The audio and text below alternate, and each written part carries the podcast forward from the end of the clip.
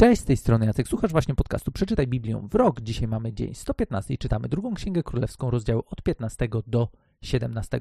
W rozdziałach 15 i 16 czytamy o tym, jak zmieniali się nam królowie zarówno w Królestwie Północnym, jak i w Południowym. Też pojawia się nam postać pod koniec rozdziału 16, którą zajmiemy się trochę później i to był jeden z absolutnie najbardziej wybitnych królów w tej całej naszej pokręconej historii, mianowicie Hiskiarz. Jednak rozdział 17 daje nam okazję poznać pewną grupę ludzi, która później będzie się dosyć gęsto pojawiała w Nowym Testamencie i właśnie dobrze sięgając po rozdział 17 dowiedzieć się, kim takim byli Samarytanie. Historia rozdziału 17 jest taka, że Królestwo Północne, Królestwo Izraela, no jak już wiemy, w żaden sposób blisko Boga nie żyło i też ponieśli tego konsekwencje i te konsekwencje związały się z tym, że króla Syrii najechał kraj, e, pokonał Samarię i koniec końców uprowadził Izraelitów do Asyrii.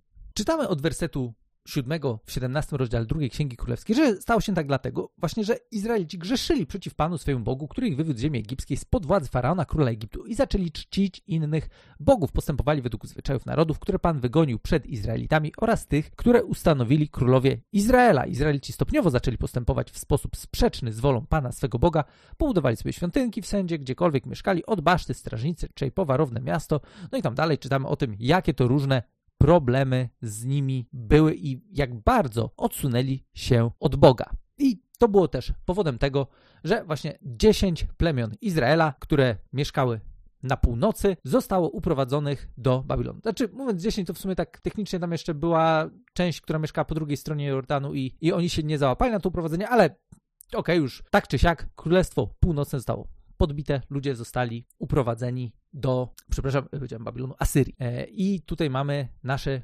pierwsze wygnanie Izraelitów. Później jeszcze do tej całej brygady dołączy nam Królestwo Judy, ale do tego jeszcze dojdziemy. Tymczasem mamy bardzo ciekawy opis tego, co wydarzyło się na ziemiach Samarii, skąd to też ludzie zostali uprowadzeni. I teraz, od wersetu 24 w 17 rozdziale drugiej Księgi Królewskiej czytamy, że na ich miejsce, to jest Izraelitów, król Asyrii sprowadził ludność z Babilonu, skuty z Awys, Hamat i Sefarwaim osiedlił ich w miastach Samarii zamiast synów Izraela, a, on, a oni posiedli Samarię i zamieszkali w jej miastach. Zaraz po tym, jak tam osiedli, nie czcili jeszcze Pana i Pan nasłał na nich lwy, które wśród nich grasowały. Doniesiono wówczas królowi Asyrii, narody, które uprowadziłeś skądinąd i osiedliłeś w miastach Samarii, nie wiedzą, jak czcić Boga tej ziemi, dlatego nasłał on na nich lwy, które ich napadają, bo oni nie znają sposobu czczenia Boga tej ziemi. Wtedy król Asyrii rozkazał, wyprawcie tam jednego z uprowadzonych stamtąd kapłanów, niech wróci, niech tam zamieszka i nauczy ludzi, jak czcić Boga tej ziemi. Przybył więc jeden z uprowadzonych z Samarii kapłanów, zamieszkał w Betel i pouczał ludność, w jaki sposób czcić Pana. Każdy naród sporządzał sobie jednak również swoje bóstwa, umieszczano je w świątynkach na wzniesieniach, które poczynili sobie Samarytanie, każdy z narodów w miejscu swojego zamieszkania. No i tam mamy później opis tego, jak ten ich kult religijny wyglądał. No i z opisu też widzimy, że był to ogromny miszmasz. To było po prostu, wiecie, przynieśli wszystko, co mieli, skądkolwiek i do tego wszystkiego gdzieś, żeby nie mieć problemu z lwami, zorientowali się, w jaki sposób trzeba czcić Boga tej ziemi, w której oni zamieszkali, czyli Boga Jahwe. No i do tego zadania został wysłany jeden z kapłanów, którzy to wcześniej byli uprowadzeni. Skończyło się to tak, że tak jak też później w opisie się pojawia, no z jednej strony czcili Pana, ale służyli też swoim bóstwom. Czyli w zasadzie sytuacja wydawać by się mogła, tak na moje oko, trochę lepsza nawet niż było z Izraelitami, no bo oni to już tak się odsunęli od Boga, że w ogóle go nie czcili, a ci to chociaż trochę próbowali. Niemniej jednak, jak widzicie, zrobiła nam się tutaj całkiem ciekawa ekipa, która później będzie się nam dosyć regularnie pojawiała na kartach Ewangelii, kiedy to Jezus będzie spotykał się z różnymi Samarytanami, będzie o Samarytanach opowiadał przypowieści. Dzisiaj akurat niekoniecznie skupimy się właśnie na przypowieści o y, tak zwanym miłosiernym Samarytaninie. Niemniej jednak chciałbym, żebyśmy już teraz złapali kontekst tego, co takiego nas czeka w Nowym Testamencie. Bo oto, kiedy będą pojawiać się Samarytanie, no to właśnie, wiecie, stąd oni się wzięli. Oni się wzięli, to jest pierwszy moment, gdzie widzimy, co takiego tam się wydarzyło. Do czasów Jezusa oczywiście dużo się zmieniło, jeśli chodzi o Samarytan.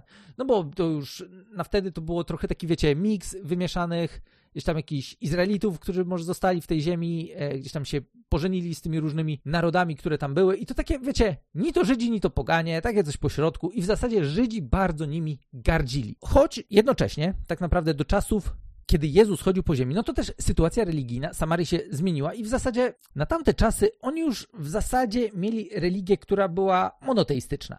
No bo tak, to był już na wtedy taki, taki judaizm w swojej trochę alternatywnej wersji. No bo tak, e, mieli jakąś swoją świątynię już do tamtego czasu, mieli swoją wersję Tory i mieli swój własny, taki wiecie, system religijny. No więc, no, trochę był problem, bo właśnie jednym z takich, jedną z kości niezgody którą też dzisiaj zobaczymy w jeszcze jednej historii, którą przeczytamy, bo właśnie to, no, to gdzie tego Boga mamy uwielbiać? Czy to ma być w Jerozolimie, czy to ma być gdzie indziej, tak jak to mówili Samarytanie? No i tutaj niesnaski były niemałe i Żydzi naprawdę nimi gardzili. No, jeżeli, wiecie, była grupa ludzi, którzy naprawdę byli nielubieni przez Izraelitów, no to byli Samarytanie. Oczywiście spore grono też pewnie innych, ale Samarytanie, którzy jednocześnie no, byli sąsiadami, co by nie było. Czytamy o tym, że Jezus częstokroć musiał gdzieś przez Samarię przechodzić, choć nie było to właśnie dla Żydów jakkolwiek komfortowe. Niektórzy by lecieli naokoło, żeby, żeby przez przypadek, przez przypadek przez Samarię nie przejść. Jezus często przez tą Samarię przechodził i widzimy też, jak on Samarytan traktował.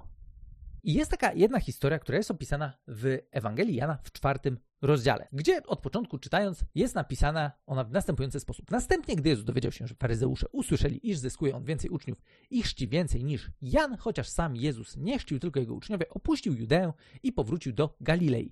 W drodze do Galilei Jezus musiał przejść przez Samarię. No tak jak mówiłem, można było grzeć naokoło, no ale Jezus zdecydował się, żeby przejść przez Samarię. I czytamy dalej. Po drodze mijał samarytańskie miasteczko o nazwie Sychar, położone obok pola, które Jakub przekazał swemu synowi Józefowi. Znajdowała się tam studia Jakuba. Jezus więc zmęczony podróżą usiadł przy tej studni. Było samo południe i wtedy z Samarii przyszła pewna kobieta. Chciała zaczerpnąć wody. Jezus poprosił, daj mi pić, bo właśnie jego uczniowie udali się do miasteczka na zakupy. Co się stało? zapytała kobieta. Ty, Żyd, prosisz mnie, Samarytankę, o wodę? Żydzi bowiem nie utrzymują kontaktów z Samarytanami. Taki tutaj mamy przypis żeby wszystko było jasne. Jezus odpowiedział: Gdybyś znała dar Boga i wiedziała, kim jest ten, który cię prosi, daj mi pić, sama prosiłabyś go, a on dałby ci wody żywej. Panie, zauważyła kobieta, nie masz nawet czerpaka, studia jest głęboka. Skąd więc masz tę wodę żywą? Czyżbyś ty był większy od naszego ojca Jakuba, który dał nam tę studię? Sam z niej pił jego synowie jego stada. Jezus odpowiedział: każdy, kto pije tę wodę, znów będzie odczuwał pragnienie, lecz ten, kto się napije mojej wody, nie zazna pragnienia na wieki. Woda, którą ja mu dam, stanie się w nim źródłem wody tryskającej życiem wiecznym. Kobieta poprosiła,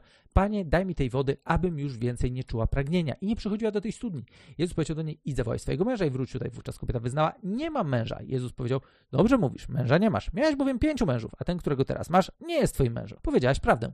Panie, zauważyła kobieta, widzę, że jesteś prorokiem. Nasi ojcowie na tej górze oddawali cześć Bogu. Wy natomiast mówicie, że w Jerozolimie jest miejsce, gdzie należy to czynić.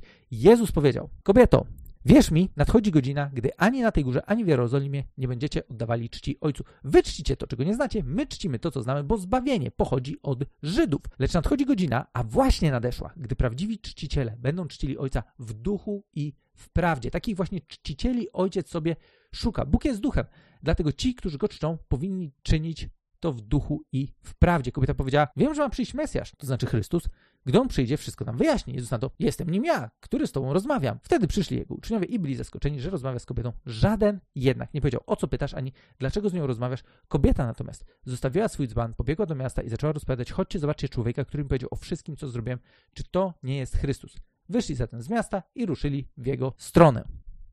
Tę akurat historię zdecydowałem się przytoczyć właśnie dzisiaj, bo w niej też widzimy, jak Jezus podchodził do Samarytan. I widzimy też to, że Jezus bez żadnego problemu wdawał się w interakcję z Samarytanami. Co więcej, tutaj naszą bohaterką jest kobieta, więc nie dość, że Samarytanka, to jeszcze kobieta. Już tak naprawdę wiecie, no gorzej by nie mogło być, bo kobiety w tamtych czasach zdecydowanie były źle traktowane, Samarytanie też nie należeli do ulubieńców Izraelitów, więc zaskoczenie nawet samych uczniów, w ogóle czemu on się gada, w ogóle co takiego się dzieje. I dzisiaj też widzimy, że sytuacja często gęsto jest podobna, bo oto, nawet w chrześcijaństwie, ci czczą Boga tak, ci tak, a ci śpiewają takie piosenki, ci inne, ci mają takie nabożeństwa, ci mają takie msze, ci mają to, ci mają tamto, e, a ci mówią, że tylko Biblia, a ci mówią, że tylko, że Biblia i tradycja, a ci mówią, że tamto.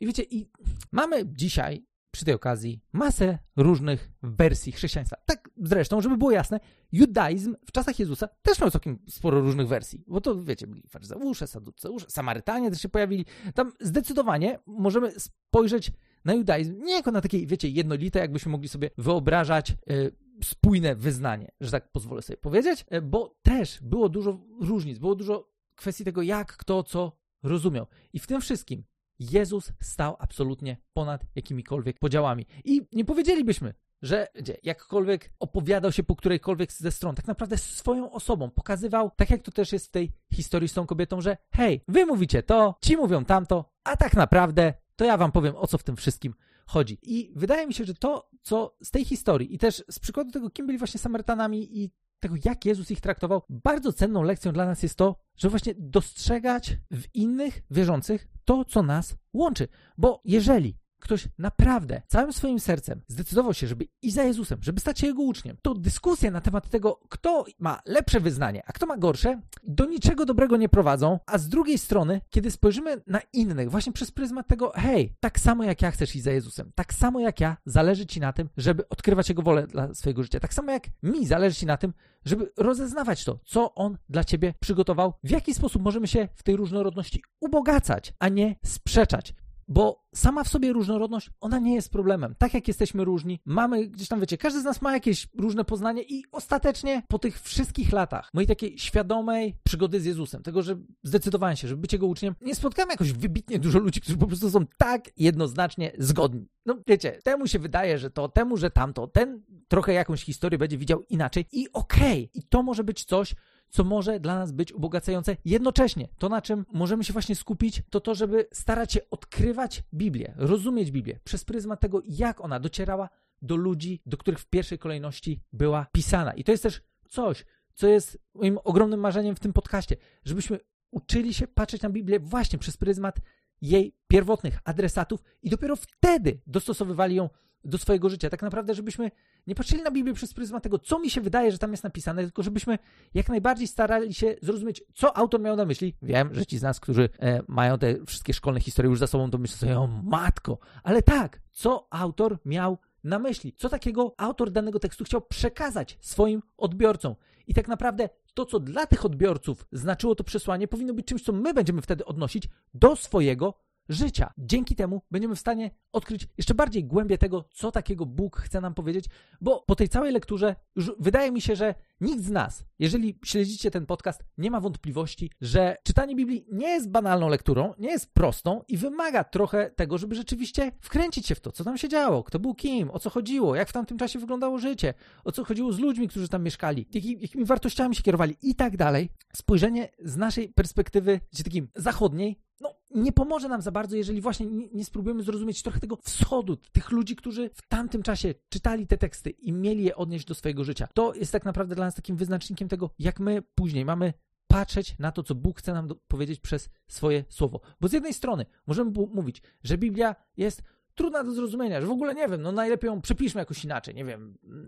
Mamy później masę tłumaczeń i jak najbardziej te tłumaczenia są znowu, są świetne po to, żeby odkrywać jakieś tam różne perspektywy tego, w jaki sposób ktoś do tekstu oryginalnego podszedł. To jednak, co dla nas powinno być, wydaje mi się, kluczowe, to jest to, jak nauczyć się dzisiaj Biblię czytać na nowo. Czytać na nowo właśnie przez pryzmat nie odkrywania, wiecie, jakichś rzeczy, które nie wiadomo, wiecie, nikt nigdy o tym nie mówi, bo ja nie mówię tutaj o odkrywaniu jakichś, wiecie, nie wiadomo jakich tajemnic.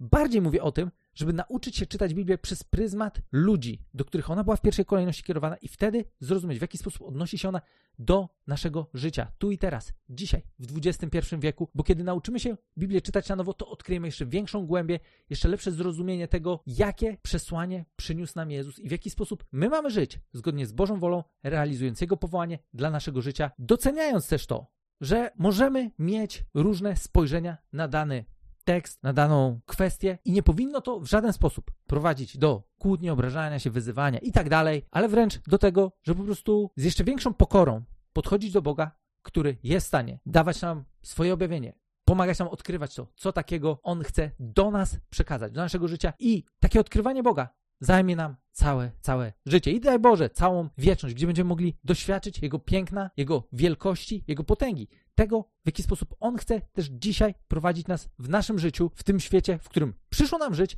po to, żeby ten świat stawał się lepszym miejscem i żeby ludzie mogli odkryć, kim jest Bóg. Mam nadzieję, że ten odcinek był dla Was wartościowy, że też pomoże Wam lepiej zrozumieć to, co później będzie się działo w Nowym Testamencie, kiedy będą się nam pojawiać Samarytanie, bo jeszcze sądzę, że do przypowieści o dobrym Samarytaninie, czy miłosiernym Samarytaninie, tak zwanym, sądzę, że wrócimy. Niemniej jednak, wielkie dzięki za dzisiaj. Jeżeli macie jakieś dodatkowe pytania, wejdźcie na stronę bibliawrok.pl.